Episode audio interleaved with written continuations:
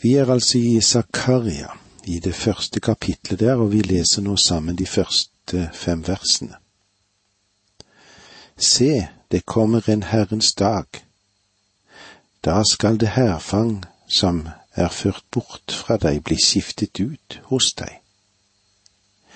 Jeg vil samle alle folkeslag til krig mot Jerusalem. Byen skal bli tatt, husene blir plyndret og kvinnene voldtatt. Halve byen må gå i landflyktighet, men resten av folket skal ikke utryddes fra byen. Herren selv skal dra ut og stride mot disse folkene, som på stridens dag. Den dagen han gikk til kamp. Den dagen skal han stå med føttene på Oljeberget, som ligger rett øst for Jerusalem. Og Oljeberget skal dele seg i to fra øst til vest, så det danner en bred dal. Den ene halvparten av fjellet trekker seg mot nord og den andre mot sør. Dalen ved mitt fjell skal fylles, for dalen mellom fjellene skal nå like til Asal og dere skal flykte som dere flyktet fra jordskjelv i de dager. Usia var konge Juda. Da skal Herren min Gud komme og alle hellige være med ham. Her får vi nok et glimt av endetidsslaget som kommer til å følge i Jerusalem.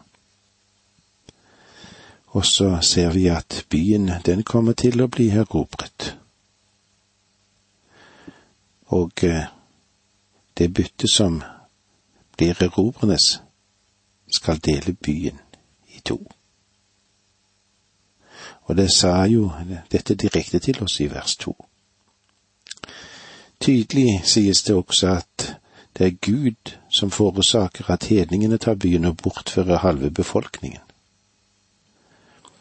Hvordan dette skal forenes med det som vi så i kapittel 12 vers 1-9 er uløst problem. Det synes som om Jerusalem kunne være uinntakelig. Men Jerusalem, Jerusalem er ikke tapt. Herren drar ut til strid for den. Og så henvises det her i disse versene hvordan han har stritt mot folket og folkets fiender før. Han som kommer fra himmelen, kommer på Oljeberget, det fjellet som rager oppover byen. Hans komme virker slik at fjellet går i to, det deles i to, det revner. Det vanlige er å skildre de voldsomme fenomener i naturen i forbindelse med slike åpenbaringer. Det vi skal legge merke til, er at Herren har tar sitt inntog i Jerusalem med sine himmelske tjenere. Byen reddes fra hedningene gjennom en direkte et direkte inngrep fra Gud. Gud kommer selv. Men la oss nå gå litt igjen tilbake til det andre verset her i kapittel 14.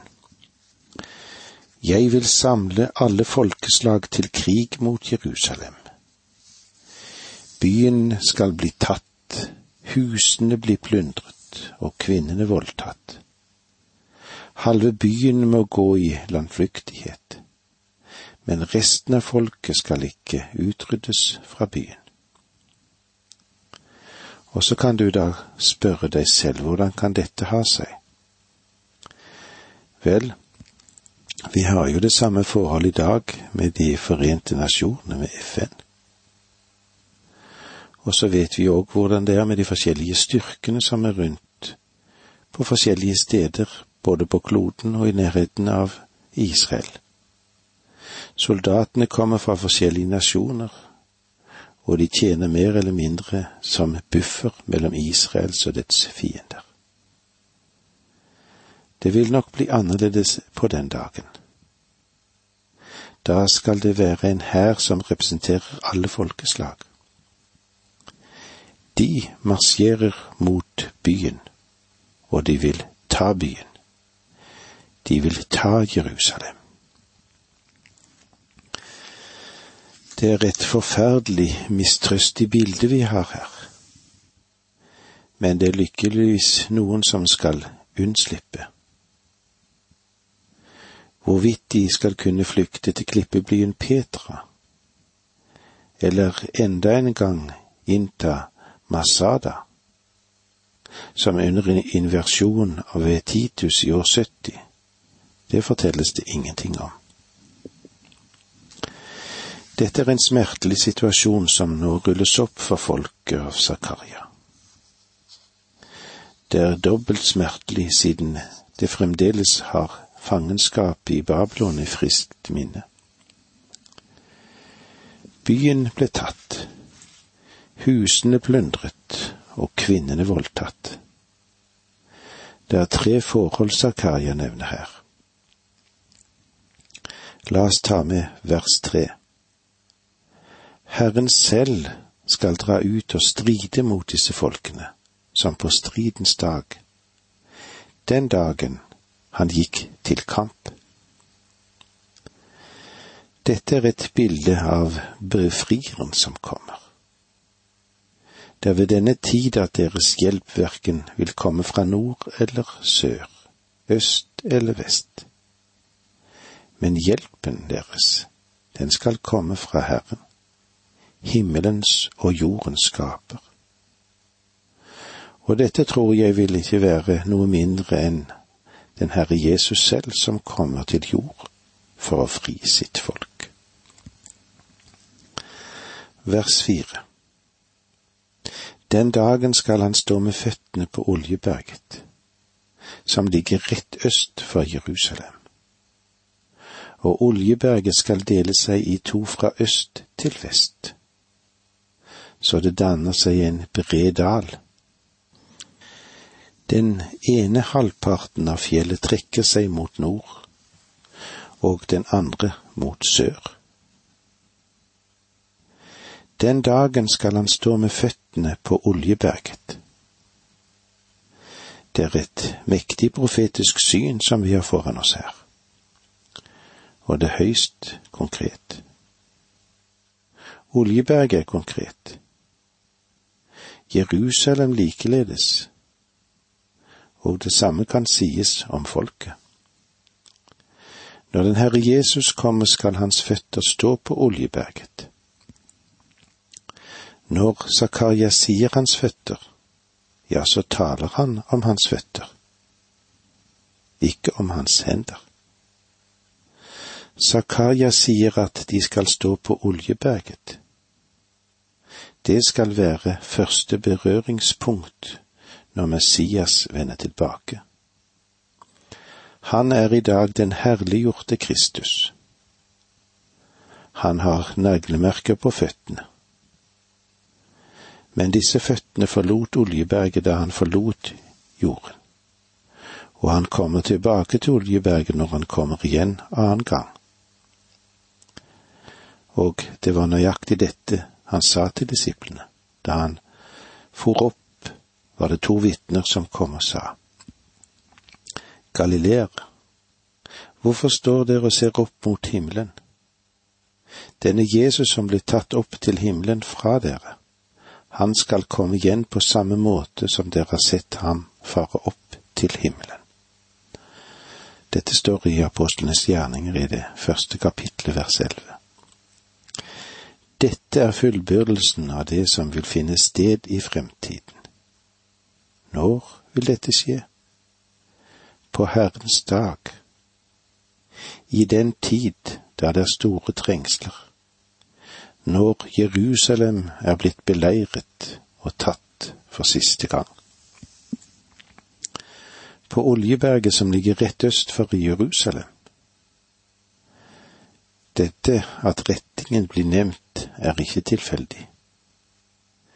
Du må merke deg at gjennom hele Bibelen kommer hjelp til Israel fra øst. Det er grunn til at de setter østporten så sentralt. Den porten som noen kaller den gylne port. Personlig tror jeg at henvisningen til den gylne port gjelder porten i tempelet som skal bygges. Om du vil kalle østporten for den gylne port, så er det greit for min del. Østporten er det i alle fall. Og med disse ordene sier vi takk for nå, må Gud være med deg. Dette undervisningsprogrammet består av to deler. Åge Nevland fortsetter nå med andre del av dagens undervisning. Vi er i profeten Zakaria. Vi er nå i det siste kapitlet, og eh, vi ser hvordan det er når Herren vil innta Jerusalem. Det er den kommende krig og fred vi stopper opp for. I det fjerde verset her i kapittel 14 leser vi slik. Den dagen skal han stå med føttene på Oljeberget, som ligger rett øst for Jerusalem. Og Oljeberget skal dele seg i to fra øst til vest, så det danner seg en bred dal. Den ene halvparten av fjellet trekker seg mot nord, og den andre mot øst. Esekiel, han forteller oss også at hjelpen til de, den kommer fra øst. Det er litt interessant å merke seg at Israel så langt i sin nyere historie har fått hjelp fra vest. Men deres virkelige hjelp skal komme fra Herren, og det er ingen fullbyrdelse av denne profetien som har funnet sted i dag. Og det ser vi klart når vi legger den profetien om det som foregår. Og på Oljeberget skal det dele seg i to fra øst til vest, så det danner seg en bred dal. Denne ene halvparten av fjellet trekker seg mot nord og den andre mot sør. Hva gjør dette? Jo, det innebærer store fysiske forandringer i landskapet. Det er ikke vanskelig å tenke seg et stort jordskjelv i dette området.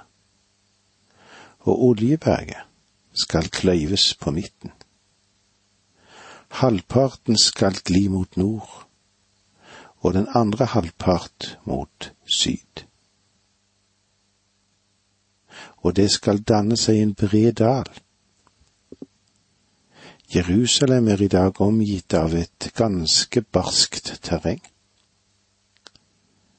Samme hvilken retning du beveger deg i. Vers fem Dalen ved mitt fjell skal fylles. For dalen mellom fjellene skal nå like til Asal. Og dere skal flykte som dere flyktet fra jordskjelv for jordskjelvet i de dager Rusia var konge i Juda. Da skal Herren min Gud komme, og alle hellige være med ham. Dette vil åpne den fluktveier i retningen for eksempel mot klippebyen Petra i det gamle Edom. Men Skriften sier ikke noe om hvor de skal flykte hen. Da skal Herren min Gud komme, og alle hellige være med ham. Dette er et meget interessant utsnitt som vi har i Bibelen, en interessant uttalelse. Det er et bilde av den Herre Jesus som kommer tilbake til jorden. Og vi møter det samme i Åpenbaringen 19 der det sies at himmelens hærskare skal følge ham. Her sies det at alle hellige skal være med ham. La oss et øyeblikk se inn i Romerbrevet 1125, hvor det står slik. Brødre, jeg vil si dere en hemmelighet, så dere ikke skal ha for store tanker om deres egen forstand. En del av Israel er blitt forherdet, inntil folkeslagene er kommet inn i fullt tall. Dette er tiden for hedningenes fylde når alle folkeslag leirer seg mot Jerusalem. Og så står det videre da i vers 26. På denne måten skal hele Israel bli frelst, slik det står skrevet. Fra Sion skal redningsmannen komme. Han skal ta bort all ugudelighet fra Jakob. Den tid har åpenbart ennå ikke kommet. Jesu Kristi første komme dekker ikke tilfredsstillende dette profetiske utsagn. Og jødenes nåværende tilbakevending til landet tilfredsstiller heller ikke disse Skriftens uttalelser. Versene seks og syv Den dagen skal det skje at lyset forsvinner og de herlige himmellysene slokner. Så skal det bli en eneste dag. Herren kjenner den, og ikke, i, og ikke dag som veksler med natt. Ved kveldstid skal det være lyst. Det vil bli en forandring når det gjelder himmellegemene og jordens lys. Vi beveger oss gjennom en grålysning frem til Kristus kommer og oppretter sitt rike. Dette er selvfølgelig en klar henvisning til Herrens dag, som faktisk ikke er et døgn på 24 timer. Vi kommer nå til en ny del i dette kapitlet, der vi ser et glimt av opprettelsen av Israel og Israels rike her på jord vers åtte. Den dagen skal det skje at det renner levende vann ut fra Jerusalem. Den ene halvpart til havet i øst, den andre halvpart til havet i vest. Slik skal det være både sommer og vinter. Havet mot øst er Dødehavet, og havet mot vest er Middelhavet. Med andre ord skal det være en kilde som gir klart og godt vann, også bokstavelig talt. Men samtidig er dette en antydning av åndelig kraft. Zakaria har jo allerede sagt at loven, Guds ord, skal gå utgå fra Jerusalem på den ene dagen, på den dagen. Vers 9 da skal Herren være konge over hele jorden. Den dagen skal Herren være én, og hans navn det eneste. Dette er enda et av Skriftens mektige vers. Det henviser til Herrens dag og det faktum at Herren skal være konge. Og dette dette er ingen andre enn den Herre Jesus Kristus, selvfølgelig. På den dagen skal det være én Herre og ett språk. La oss gå litt tilbake til Sefania 3,9, der vi leser. Da vil jeg skape folkene om og gi dem rene lepper, så de alle skal kalle på Herren og tjene ham skulder ved skulder. Språkbarrieren er fremdeles stor mellom folkeslagene, og det har det vært siden Babelstårnet ble reist. Men når han kommer, skal denne utviklingen gå andre veier. Da skal det være ett språk, og jeg er glad for det. Og jeg bekymrer meg ikke i det hele tatt av hvilket språk det skal være. Men alle skal tale det samme språk. Det vil med andre ord være slik at vi skal forstå hverandre fullt ut. Vers ti Hele landet skal bli som Arabasletten, fra Geba til Rimmon, sør for Jerusalem. Men byen skal ligge høyt på sitt sted, fra Benjaminporten til det sted der den gamle porten var, til hjørneporten og Hanael-tårnet, helt til kongens vinpresser. Dette er meget viktig når vi nå ser på hva som utgjør den egentlige finale, det som fører oss mot slutten. Hele landet skal bli som Arabasletten. Araba er et geografisk navn og er den dype foldingen mellom sprekkdannelsen som starter for Galileasjøen, som går gjennom Jordandalen gjennom Dødehavet og følger videre Akababukten og går inn i Nord-Afrika. Det er en veldig folding, dette. Den begynner egentlig nord for Beirut i Libanon. Og Zakaria sier at det skal bli en annen stor dal som kan lignes med Arabasletten. Zakaria sier at denne dalen skal gå hele veien, fra Geba til Rimmon sør for Jerusalem. Og det omfatter høylandet der den gamle Judastammen bodde til grensen for Simons stamme i syd. Den går altså hele veien fra nord, der Geba finnes i Benjamins stamme, til Rimmon, som ligger ca. seks mil sydvest for Jerusalem. Det vil bli en meget mektig dal, dette, og hele det kuperte terrenget som finnes rundt Jerusalem skal jevnes ut.